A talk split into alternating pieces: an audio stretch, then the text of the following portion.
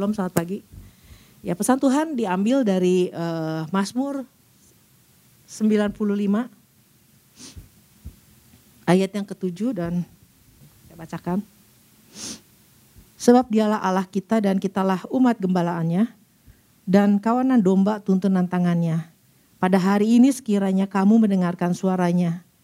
Janganlah keraskan hatimu seperti di Meriba, seperti pada hari di masa di padang gurun. Ya, ini yang jadi uh, pesan Tuhan buat kita. Jangan menutup dan mengeraskan hati, ya. Jadi artinya pesan Tuhan minggu ini adalah tentang hati lagi, ya, tentang hati. Dan bagaimana Tuhan ingatkan kita jangan sampai hati kita keras dan jangan sampai hatinya tertutup.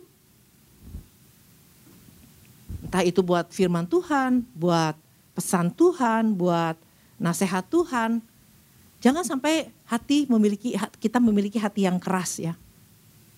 Nah jadi memang hati itu sangat memegang peranan penting dalam uh, kehidupan rohani ya.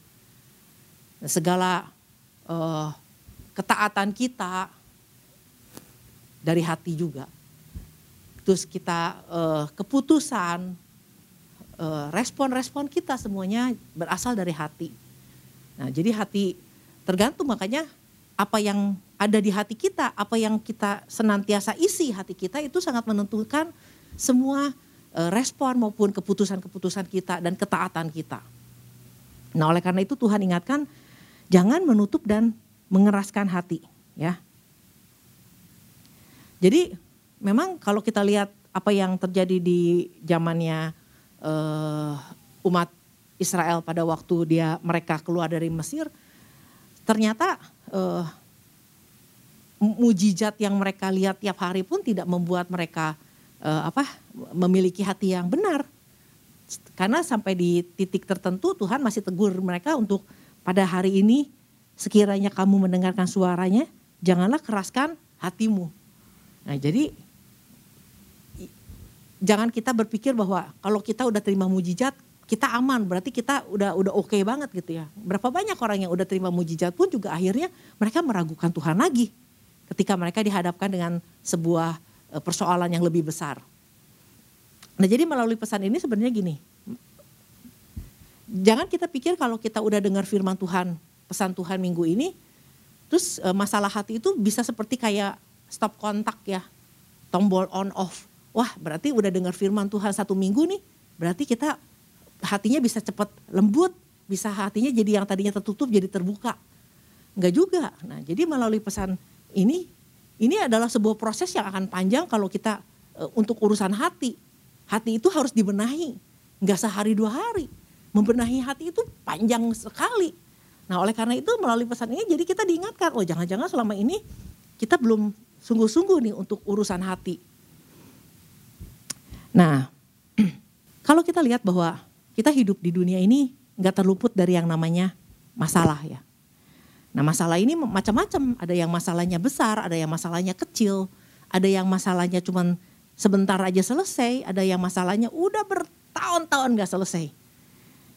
Nah ini yang yang saya pikir juga nggak gak sedikit loh eh, jemaat Tuhan ngalamin yang namanya sebuah masalah yang udah ber, udah berlama-lama ngalamin masalah ini tapi masalahnya nggak selesai-selesai. Dari urusan anak, urusan pasangan hidup, urusan uang, urusan kesehatan.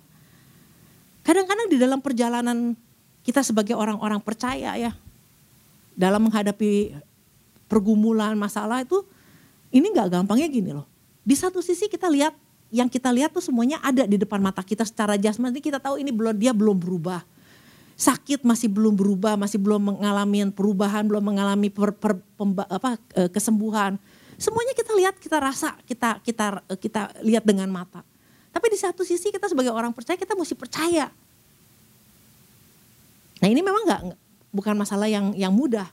Kalau ada di dalam sebuah rombongan nih, misalnya kita ada di dalam gereja, ada ada hamba Tuhan yang selalu bersama kita, rasanya kita mas, masih bisa uh, apa masih bisa kuat gitu. Nah kalau ketika ada di rumah, ketika kita sendiri yang sedang menghadapi masalahnya itu kadang-kadang nggak nggak nggak jadi mudah, sulit gitu untuk menghadapinya. Nah makanya nggak heran banyak orang yang mulai uh, meragukan nih, bener nggak sih Tuhan itu uh, apa bisa tolong saya gitu ya?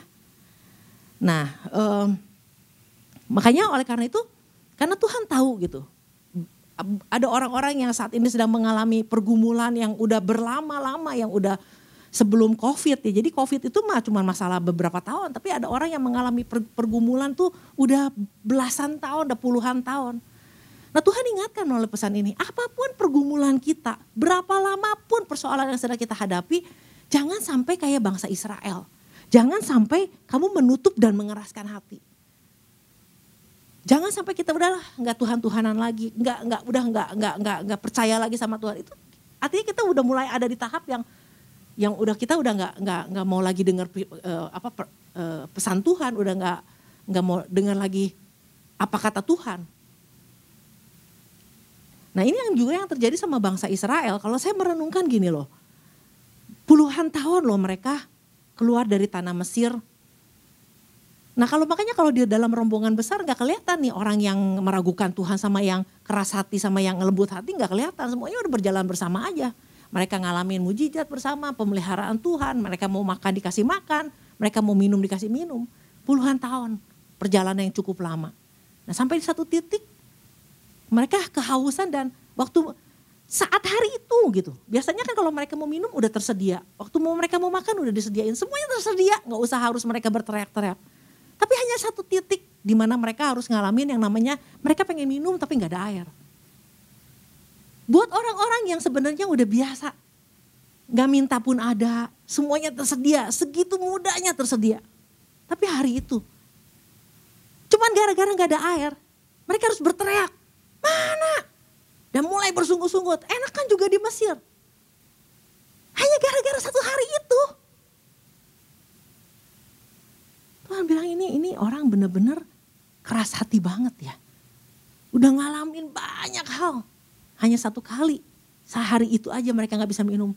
Dan mereka mulai berteriak-teriak dan mulai mereka mulai bersungguh-sungguh. Dan Tuhan begitu marah dengan dengan apa yang mereka lakukan. Kalau kita lihat di dalam Mazmur 95 ayat yang ke-10, 40 tahun aku jemu kepada angkatan itu. Maka kataku, mereka satu bangsa yang sesat hati dan mereka itu tidak mengenal jalanku. Sebab itu aku bersumpah dalam murkaku mereka takkan masuk ke dalam tempat perhentianku. Jadi hanya karena setelah perjalanan 40 tahun mungkin ya ini saya nggak tahu udah sampai di sini udah berapa puluh tahun. Tapi mereka yang ngalamin nggak bisa minum aja mereka berteriak. Nah ini yang Tuhan ingatin sama kita. Mungkin udah puluhan tahun kita diperhadapkan dengan sebuah situasi yang sulit. Ada sakit yang belum Kelihat tanda-tanda ada kesembuhan. Belum melihat ada mujizat. Jangan sampai di titik satu titik ini kita berteriak-teriak dan bersungut-sungut. Dan Tuhan bilang aku muak ya. Kalau di dalam bahasa Inggrisnya di, eh, di dalam bahasa aslinya dikatakan aku jijik kata Tuhan bilang. Nah ini maksudnya keras banget nih orang itu. Udah ngalamin begitu banyak sampai hanya satu kali ini mereka seperti itu. Nah, jangan dicontoh, makanya Tuhan ingatkan apa pun yang saat ini sedang jangan sampai kayak begitu. Nah kalau kita uh, pikir gini ya tapi saya kan gak pernah bersungut-sungut. Tapi kan saya gak pernah loh yang kayak bangsa Israel. Nah ternyata gini bersungut-sungut itu gak selalu harus keluar. Gak usah harus bunyi. Bersungut-sungut itu di dalam hati juga bisa. Mulai meragukan Tuhan, mulai membanding-bandingkan. Ah percuma ikut Tuhan ternyata. Nah gak usah diomongin. Pasangan hidup kita pun mungkin, anak-anak kita, keluarga kita gak usah harus tahu. Tapi sungut-sungut yang tidak ber, berbunyi itu Tuhan tahu. Dan orang yang bersungut-sungut hanya karena kalau dipikir-pikir gitu, sampai hari ini mungkin nih ada orang yang sakit kanker. Udah belasan tahun, puluhan tahun sampai hari ini masih hidup, itu kalau bukan karena Tuhan. Dan hanya karena ngerasa hari ini ada perubahan, ada yang sakit sedikit dan ada yang nggak um, enak di, di, di, di tubuh dan mana Tuhan gitu. Kan itu kayaknya nggak nggak nggak bukan seperti itu harusnya. Mungkin orang bilang ya wajar lah. Tapi Tuhan bilang gitu, yang seperti itu tuh nggak wajar. Tuhan nggak mau, jangan sampai kayak orang-orang di Mesir. Eh, jangan sampai jadi orang-orang kayak orang Israel itu. Nah kalau kita lihat di dalam Malayaki ya, kita lihat Malayaki 3. Karena hanya sungut-sungut dan ketika kita membanding-bandingkan itu sepertinya kita gini, kayak orang yang selama ini lu dipelihara, selama ini lu ngalamin Tuhan, selama ini lu ngalamin mujizat mana ya? Gak ada bekas-bekasnya. Nah kita lihat di Malayaki 3, saya akan bacakan ayat yang ke-13. Bicaramu kurang ajar tentang aku, firman Tuhan. Tetapi kamu berkata, apakah yang kami bicarakan di antara kami tentang engkau? Kamu berkata adalah sia-sia beribadah kepada Allah. Apakah untungnya kita memelihara apa yang harus dilakukan terhadapnya dan berjalan dengan pakaian berkabung di hadapan Tuhan semesta alam? Oleh sebab itu kita ini menyebut berbahagia orang-orang yang gegabah. Orang-orang yang uh, bukan saja mujur orang-orang yang berbuat fasik itu. Tetapi dengan mencobai Allah pun mereka luput juga. Beginilah bicaramu satu sama lain orang-orang yang takut akan Tuhan. Tuhan memperhatikan dan mendengarnya. Sebuah kitab peringatan ditulis di dalam di hadapannya bagi orang-orang yang takut akan Tuhan dan bagi orang-orang yang menghormati namanya. Mereka akan menjadi milik kesayanganku sendiri firman Tuhan semesta alam. Pada hari yang kusiapkan, aku akan mengasihani mereka sama seperti seorang menyayangi anaknya yang melayani dia. Maka kamu akan melihat kembali perbedaan antara orang benar dan orang fasik, antara orang beribadah kepada Allah dan orang yang tidak beribadah kepadanya. Nah jadi kalau di uh, di dalam uh, terjemahan aslinya bicaramu kurang ajar. Itu bicara itu nggak selalu harus ngomong keluar dan kedengaran sama tetangga. Bicara itu bicara uh, artinya gini, tindakanmu, sikapmu, cara bicaramu, gerutumu. Ya. Itu kurang ajar kata Tuhan. Waktu seberapa kurang ajarnya? Ya waktu kamu ngerasa bilang, ternyata sia-sia beribadah ya, geningan sakit mah tetap gue sakit. Percuma ya melayani Tuhan juga. Buktinya masalah gue, suami gue, istri gue belum berubah, anak-anak gue juga gak berubah. Ini sia-sia semuanya. Gak usah diomongin dalam hati aja, gerutu, gerutu sikap dan e, sampai akhirnya e, dikatakan tindakanmu. Dan itu mempengaruhi ah, adalah melayani juga biasa-biasa aja lah. Ternyata juga begini-begini aja. Nah ketika kita bersifat seperti itu sebenarnya kita lagi mengeraskan hati lagi, mengeraskan hati. Dan sebenarnya makanya urusan urusan sikap hati itu bukan urusan gini. Uh, sehari dua hari kita bisa berubah. Enggak, itu urusan panjang. Jadi kalau makanya kalau kita nggak biasakan hidup kita dipenuhi hati kita dengan firman Tuhan, kebenaran firman Tuhan, nggak punya kebiasaan untuk merenungkan firman Tuhan, yang seperti ini bisa terjadi. Jangan kita pikir, ah nyantai aja. Belum pernah ya ngalami persoalan yang besar. Belum pernah ya ngalami persoalan yang udah bertahun-tahun tidak pernah selesai. Ini pikiran, perasaan, tindakannya seperti ini bisa terjadi. Kalau hati kita nggak pernah dijaga. Nah oleh karena itu pesan Tuhan ini membuat kita harus berpikir, ya gue harus mulai membereskan hati kita. Mulai membenahi hati, mulai membuat hati kita dipenuhi dengan kebenaran firman Tuhan dan e, pengenalan akan Tuhan. Jadi melalui pesan ini kita harus punya satu sikap yang berbeda. Jangan kita pikir bahwa aman, gue mah gak kayak gitu. Kita nggak tahu ke depan kita ngadepin seperti apa, orang yang kita sayang seperti apa, kita ngadepin seperti apa. Tuhan udah bilang, bicaramu kurang aja, tindakanmu, sikapmu, gerutumu, cara cara kamu bicara aja itu kurang ajar. Mulai membanding-bandingkan dan mulai bilang ternyata orang yang gak beribadah lebih enak ya hidupnya daripada kita. Dan itu ternyata Tuhan bilang itu kurang ajar. Nah kita gak pernah berpikir bahwa bangsa Israel gak pernah berpikir 40 tahun loh, puluhan tahun di dalam perjalanan Tuhan pelihara begitu hebatnya. Hanya karena satu titik gak bisa minum, lu ngomong kayak gitu. Nah tapi kalau orang yang punya hati yang yang memang udah dipenuhi oleh firman Tuhan, yang punya hubungan baik dengan Tuhan, gak akan pernah bisa keluar kata-kata yang seperti itu. Gak akan mungkin keluar kata-kata yang seperti itu. Nah jadi bagaimana kita melihat seseorang? Nah, kemarin ada pertanyaan seorang yang uh, apa uh, yang hatinya apa kemarin pertanyaannya? Bagaimana kita bisa membedakan seseorang yang uh, apa namanya mengeraskan hati terhadap perkataan Tuhan dari mana? Ya dari dari yang yang mereka rasakan itu juga itu bisa kelihatan dan mulai meragukan Tuhan, mulai membandingkan orang orang yang tidak beribadah ternyata hidupnya jauh lebih enak. Nah, jadi Tuhan bilang seseorang eh, kemarin eh, bagaimana um, buktinya seseorang ya. Seseorang ini bukan kita lagi harus ngamatin, oh tah si Iyo masih ini nih, bukan lagi ngomong seseorang tuh kita. Dari mana kita tahu nih? Kita mengeraskan hati untuk firman uh, perkataan Tuhan. Ya dari ya itu tadi. Kita mulai membanding-bandingkan, kita mulai berkata kurang ajar, mulai merasa bahwa ternyata sia-sia beribadah ya, ternyata gue ibadah kok, gue melayani. Anak gue tetap gini, anak gue mah tetap sakit. Dan itu Tuhan gak suka. Kalau kita mau berpikir lagi, ke bangsa Israel puluhan tahun dipelihara Tuhan. Nah bagaimana dengan kita? Tuhan aja mati buat kita, darahnya dicurahkan buat kita, sampai kita bisa tri, dis, diselamatkan, dan masih mau ngomong sia-sia ikut Tuhan. Nah itu adalah orang-orang yang sudah mengeraskan hati. Nah beda sama sama Daud. Kita tahu lah kalau kita baca Mazmur, Daud bukan orang yang dalam keadaan yang selalu baik, enak terus kan. Dia pernah ada di lembah baka. Dia pernah ada di dalam kesesakan. Dia, dia pernah ada di dalam uh, ngadepin musuh, ngadepin uh, apa uh, dihianati. Dia pernah ngalamin banyak hal yang sebenarnya dia juga hidupnya nggak enak-enak banget. Tapi apa yang dia katakan? Dia nggak bersungut-sungut loh. Dia cuma bilang bahwa engkaulah gembalaku, engkaulah perisaiku, Engkaulah gunung batu keselamatanku, kota bentengku, menara kekuatanku. Jadi dalam kesesakan dia masih bisa muji-muji Tuhan.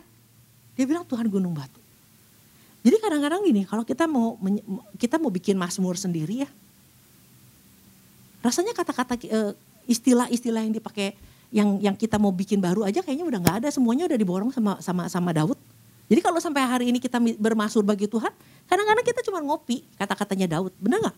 Karena Daud udah semua dia pakai dah. Mungkin kalau zaman sekarang mah kita mungkin Tuhan engkau desainerku, engkau grafik desainerku, apalah gitu ya. Tapi semua kata-kata yang dia ungkapkan itu di tengah kesusahan loh, kesesakan, di tengah kekecewaan, tengah ketakutan dia, dia cuma bilang, wah Tuhan gunung batu keselamatanku, kota bentengku, tempat persembunyianku. Semua yang dia katakan nggak ada kata-kata yang nyeleneh yang membuat Tuhan kurang eh, apa bilang dia kurang ajar. Nah jadi kekerasan hati itu akan menunjukkan dengan apa yang muncul di dalam perbuatan kita, sikap kita, keputusan kita. Nah oleh karena itu saudara, kita udah uh, kita dengar berhari-hari tentang ini bahwa saya juga punya pergumulan. Tapi saya cuman saya tidak pernah nyalahin Tuhan. Saya berani bilang gini karena memang Tuhan Tuhan tahu lah.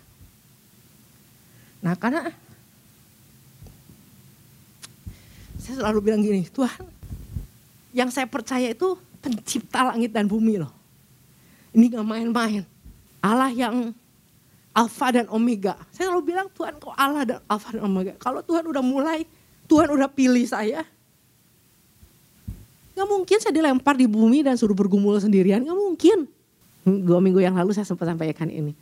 Allah yang saya sembah ini Allah yang duduk di sebelah kanan tahta Allah. Menjadi perantara, menjadi pendoa syafaat. Nah ini saudara.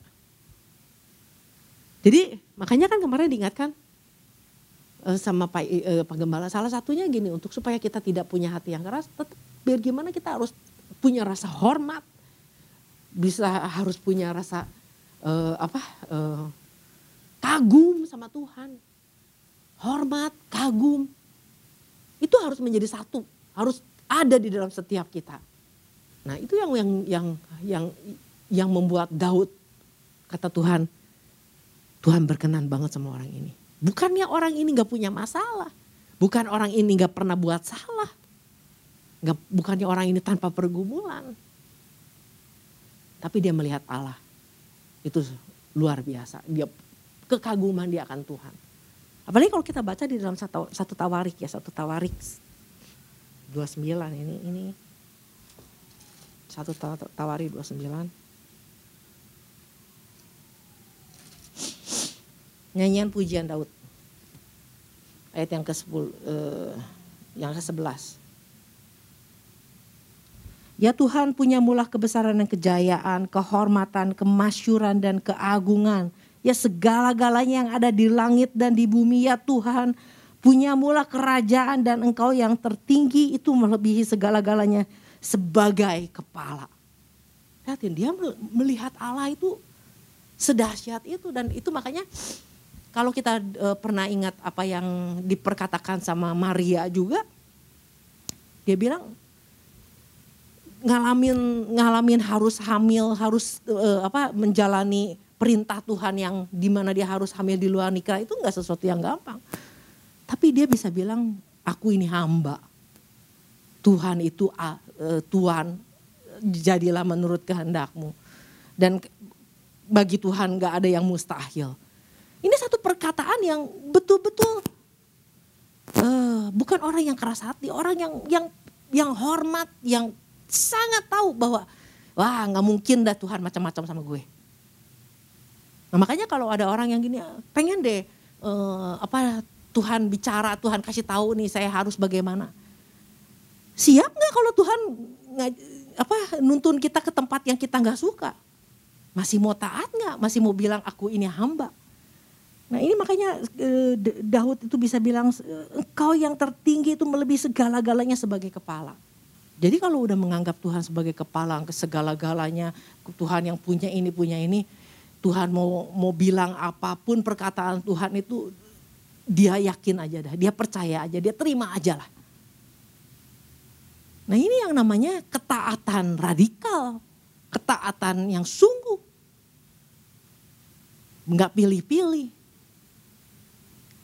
Nah oleh karena itu saudara, pergumulan itu sesuatu yang udahlah bagian kita memang kita ikut Tuhan e, harus mengalami sebuah proses dan proses itu memang ada yang berat ada yang nggak berat tapi jangan kayak bangsa Israel yang udah ngalami banyak hal dia lihat dia dengar dia rasa dia ngalami dia makan dia minum hanya karena satu hal dia mulai meragukan Tuhan. Nah kalau kita lihat lagi bahwa uh, di Alkitab pun ditulis bahwa ternyata ada perempuan yang pendaraan 12 tahun loh. Tapi Tuhan mau kalau Tuhan mau sembuhkan sembuhkan. Ada orang laki-laki lumpuh di di apa di kolam Bethesda. Berapa tahun? 38 tahun. Tuhan mau sembuhkan ya Tuhan sembuhkan. Oleh karena itu jangan keraskan hati kita nih. Hanya karena satu hal yang kita rasakan, kok begini? Jangan sampai kita bersungguh-sungguh sampai akhirnya kita kita berhenti mengalami janji Tuhan. Nah, saya per, eh, kayak, eh, kayak eh, Paulus bilang bahwa dia dengan penuh keyakinan, gue confident banget, gue yakin banget. Tuhan yang mulai, Tuhan akan menyelesaikannya buat aku di dalam Yesus Kristus. Pasti selesai, tapi selesai cara apa kita nggak tahu, Tuhan pasti selesai. Yang penting ada di dalam Tuhan. Yang penting tetap percaya dan hormat sama Tuhan. Bahwa segala perkataannya, segala tindakannya, segala apa yang terjadi sama hidup kita nggak terlepas dari Tuhan. Jangan keraskan hati. Apa pun pergumulan kita hari ini, tetap percaya. Amin. Kalau kita sampai hari ini kita kayak gini aja nih semua itu karena pemeliharaan Tuhan, karena campur tangan Tuhan dalam hidup kita. Demikian firman Tuhan, memberkati.